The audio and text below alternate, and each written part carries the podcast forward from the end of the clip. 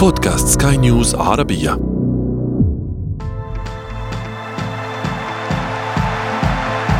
أثير الكرة.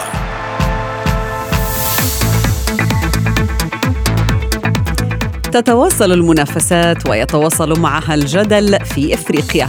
ملاعب الكاميرون تشهد صراعا لا مثيل له للبقاء في دائرة المنافسة على اللقب.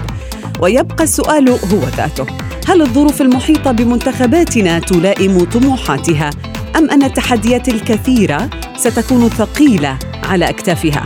نسور قرطاج يتجاوزون معاناتهم فيقهرون أفضل المنتخبات على ساحة الكان والمستضيف يتربص لواحدة من أكبر مفاجآت البطولة. ونحن نترقب اختبارات أخرى صعبة في المونديال الإفريقي وندخل في تفاصيلها في حلقة اليوم من أثير الكرة. معي أنا شذى حداد والبداية من العناوين. تونس تحلق إلى دور الثمانية على أكتاف نيجيريا وجزر القمر تصطدم بالكاميرون وكورونا. قرعة الدور النهائي للتصفيات الإفريقية تعكر صف المنتخبات العربية في الكان. وفي فقرة ما لا تعرفونه عن كرة القدم نكشف لكم أغرب زي رسمي ارتداه اللاعبون في القارة السمراء. أثير الكرة.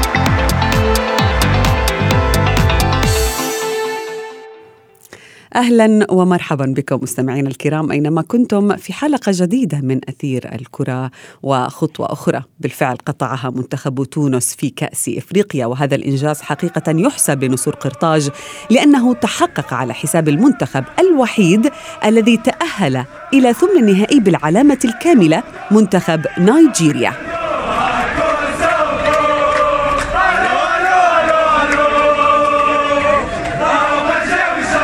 مبروك علينا الناس الكل ماتش باهي هذا الماتش اللي حاجتنا به باش نلعب على ال titre نوليو الفريق المرشح نلعب على ال titre. أه juste لازمنا نماركيو واللعب ما حاجتنا به هذوما الماتشوات كيما هكا نتاع ال élimination directe. لازمك تجيب ال résultat ما عادش تجيب اللعب إن شاء الله يكملوا هكا. الولاد يشرفونا ويهزوا coupe أفريقيا إن شاء الله. يعطيهم الصحة هما اللي عملوه. واحد بصراحة على أعصابه. وفرحونا يعطيهم الصحة. إن شاء الله نكملوا هكا. ما شاء الله عليهم الكل فرحونا المرة هذه بالرغم اني مرضى مرضى والله مصلي عني بعلي وقت القلايب يهبط تنسيو كل شيء. فرحة تونسية كبيرة بالفعل في الشارع الرياضي التونسي عقب هذا التأهل على حساب منتخب نيجيريا إلى دور ربع النهائي. نتحدث عنه مع ضيفي الصحفي الرياضي التونسي الياس بن صالح. الياس مساء الخير. مرحبا بك سادة تحياتي لك وألف مبروك لكافة الجماهير التونسية. وإن شاء الله نشوفوا أيضا منتخب مصر والمغرب متأهل متأهلين إن شاء الله. الادوار القادمة. شاهدنا يا الياس بالفعل وجه آخر للمنتخب التونسي أليس كذلك؟ أكيد أكيد. وشذا المنتخب التونسي دائما لما يوضع في مثل هذه الوضعيات الصعبة يكون عنده reaction يعني يعمل ردة فعل قوية جدا. هذه رأيناها في تصفيات كأس العالم لما خسرت تونس أمام غينيا الاستوائية. في الجولة قبل الأخيرة وبالتالي المنتخب التونسي أصبح امام حتمية الفوز أمام زامبيا في الجولة الأخيرة. وضع نفسه في في مأزق كبير. انتصر على زامبيا ب 3-0 أيضا في كأس العرب لو كان تتذكرين المنتخب التونسي يعني انهزم في الجولة الثانية أمام منتخب سوريا بأداء باهت جدا بثنائية نظيفة. ولكن بعد تلك المباراة المنتخب التونسي عاد من جديد بل ووصل للدور النهائي. نفس الشيء في كأس أمم أفريقيا. يعني بعد الهزيمة في الجولة الأولى ضد مالي فوز عريض ضد موريتانيا ثم خيبه أمام غامبيا والآن العودة أقوى بكثير. هذه أفضل مباراة يقدمها المنتخب التونسي نعم. منذ سنوات خصوصا على المستوى التكتيكي بعض آه من آراء الشارع يعني التونسي وبعض التغريدات كانت على تويتر بالأمس تقول بأنه واحد من الأسباب التي مكنت المنتخب التونسي من الفوز بالأمس هو غياب منذر الكبير المدرب بسبب إصابته بكورونا يعني ما رأيك بهذا التعليق بالتحديد؟ هو شوف شذا المؤكد أنه منذر الكبير يتواصل مع جلال القادري الذي قاد المنتخب التونسي هو مدرب مساعد أكيد ولكن هل وجود المدرب بمثل هذه المباريات الكبيرة هل يشكل ضغط على اللاعبين في الخط المخصص للمدربين؟ والله لا أعتقد ذلك ولكن ممكن ممكن لأنه هناك هناك نقطة أخرى لم لم يتناولها الكثيرون. هذا هو أن علاقة المدرب منذر الكبير مع رئيس الاتحاد التونسي لكرة القدم علاقة يعني متوترة وهذه العلاقة بان التوتر فيها منذ مسابقة كأس العرب ولكن ما زاد التوتر في هذه العلاقة هو اتصال رئيس الجمهورية قيس سعيد بمنظر الكبير وعدم اتصاله بوديع الجليلي هو رئيس الاتحاد التونسي. وكأنه هذا المدرب يعني مسنود من قبل رئاسة الجمهورية. هذا ما يقال هنا في تونس. لذلك نعم. أقول أن هناك بعض التوتر بين المدرب ورئيس الاتحاد في علاقة بمباراة أمس أعتقد أنه من المؤكد أن هناك تواصل من الدقيقة الأولى إلى الدقيقة الأخيرة. ولا ننسى الأداء الكبير الذي قدمه الكبير في كأس العرب وهو كان موجود هناك إلياس. أكيد. طيب أكيد. المباراة المقبلة بوركينا فاسو الخصم القادم للنسور هل تعتقد بأنها ستكون مواجهة صعبة؟ يعني خاصة بأنه المنتخب البوركيني يقدم أداء قوي حتى الآن. صحيح. هناك نقطتين مهمتين شذا النقطة الأولى هي يجب على لاعبي المنتخب التونسي نسيان الفوز الآن. هناك آه، فرح كبير يوم أمس. نعم. واليوم يجب على اللاعبين أن ينسوا فرحة آه، الفوز أمام نيجيريا ويركزوا من اليوم على مباراة بوركينا فاسو لأن هناك وقت كثير الآن للمنتخب التونسي للتحضير. المباراة يوم السبت القادم آه، في الساعة الثامنة ليلة بالتوقيت المحلي في في, في الكاميرون. هذه نقطة أولى. والنقطة الثانية هناك مباراة ثأرية للمنتخب التونسي. وفي كأس أمم أفريقيا 2017 التي أقيمت في في في, في الجابون المنتخب التونسي انهزم على يد بوركينا فاسو بطريقة مذلة. وبالتالي هذه تعتبر مباراة ثأرية بالنسبة لنسور قرطاج ثأرية رياضيا طبعا من أجل تحقيق الفوز على هذا المنتخب. وبالتالي على المنتخب التونسي التحضير كما يجب لهذه المقابلة نفسيا وأيضا تقنيا لأنه كما قلت بوركينا فاسو يقدم أداء جيد منذ بداية الكان نعم. ابقى معي الصحفي الرياضي التونسي الياس بن صالح. ستبقى معنا في أثير الكرة وأنتم أيضا مستمعين هناك المزيد آه، في حلقة اليوم ولكن بعد هذا الفاصل. أثير الكرة.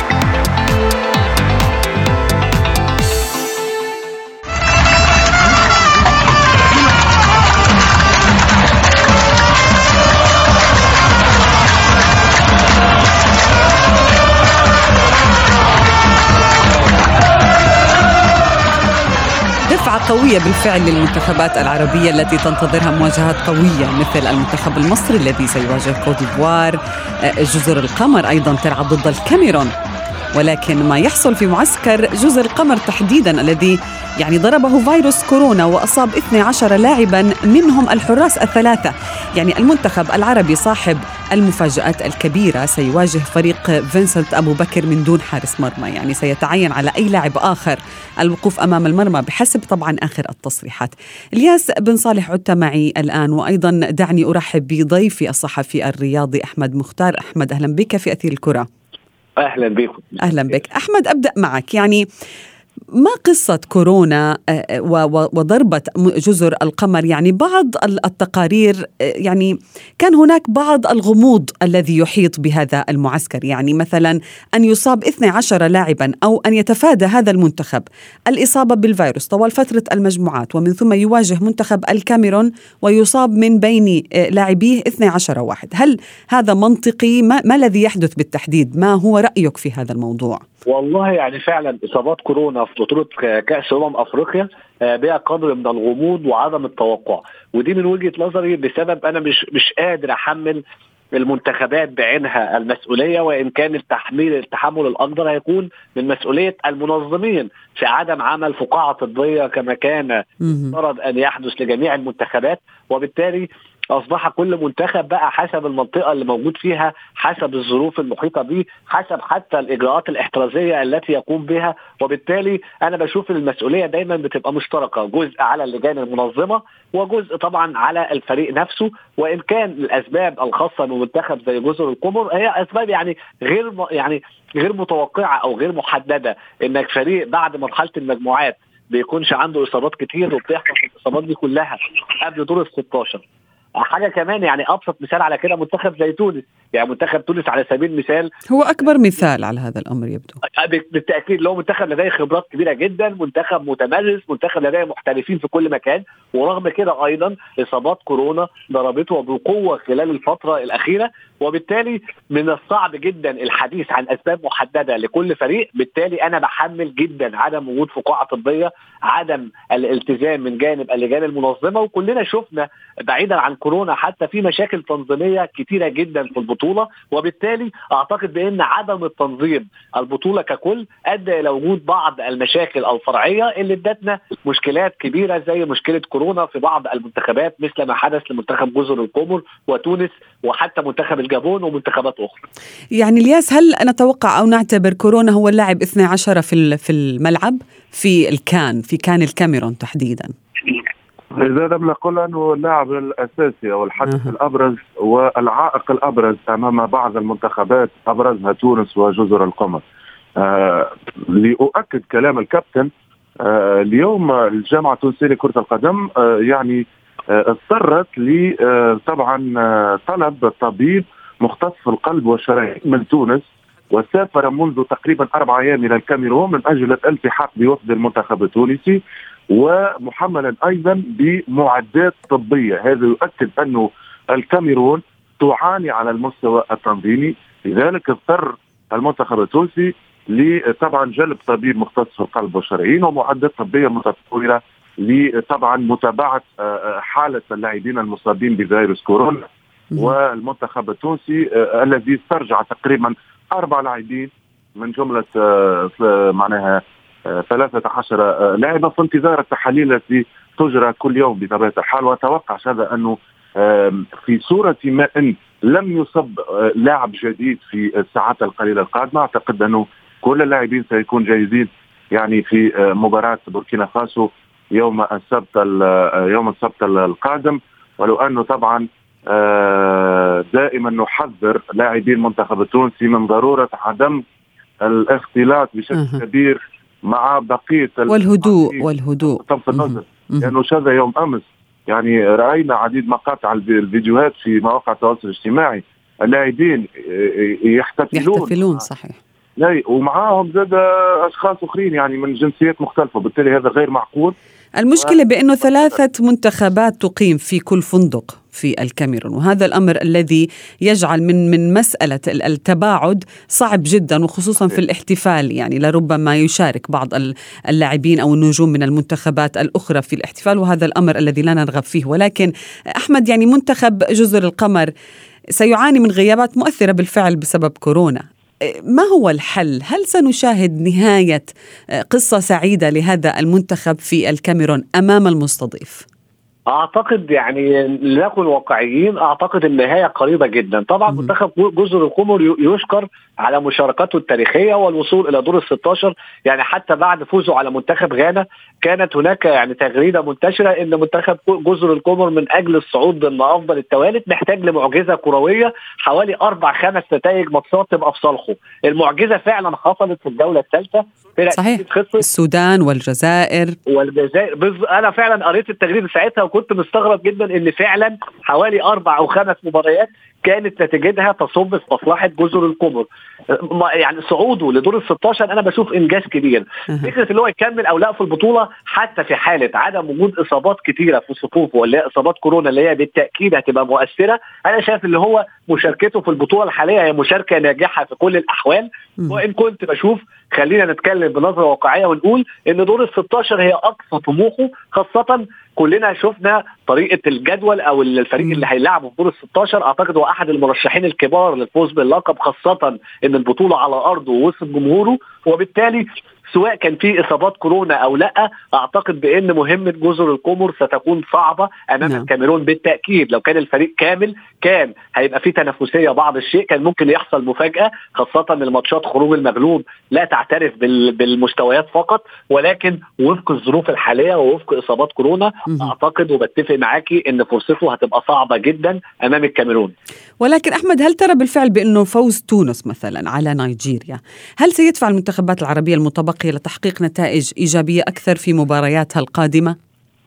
وبالتأكيد طبعا يعني فوز منتخب تونس بالأمس على منتخب نيجيريا هو فوز بيدي دفعة معنوية للمنتخبات العربية لكن برضه خلينا نقول لمنتخب تونس هو منتخب متمرس ومنتخب صاحب تاريخ كبير وأنا دايما بشبهه فعليا إن هو منتخب يعني يشبه المنتخب الإيطالي في البطولات المجمعة اللي هو منتخب حتى ولو ما كانش مرشح قوي بيبقى صعب جدا تلعب قدامه وصعب جدا تكسبه خاصة إن هو عنده لعيبة عندها يعني ذكاء تكتيكي كبير سواء مع أنديتها أو مع المنتخب.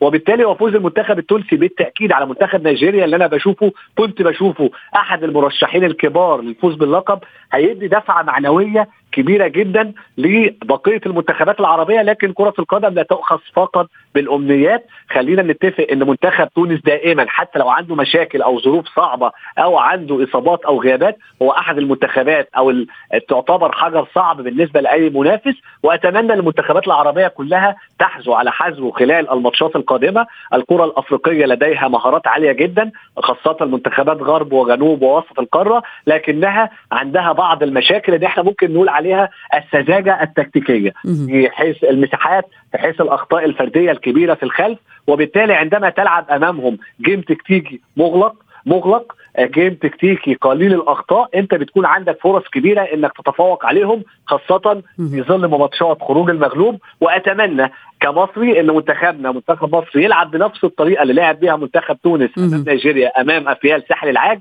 لأن أتصور هي دي الطريقة المثلى للتعامل مع المنتخبات الأفريقية في مباريات خروج المغلوب خاصة لما المنتخبات دي بتبقى فرصها أكبر منك صحيح. أو عندها عناصر ذاتية أو بشرية أفضل منك في الوقت الحالي. بايدك أحمد ولكن إلياس هل تؤيد أحمد هل تحتاج المنتخبات العربية لتغيير جلدها التكتيكي كامل في الدور المقبل؟ جاء لأنه آه، لما نتحدث عن منتخبات عالمية مثلا آه، نتحدث عن الأرجنتين في وقت سابق كانت الأرجنتين قوة هجومية ضاربة.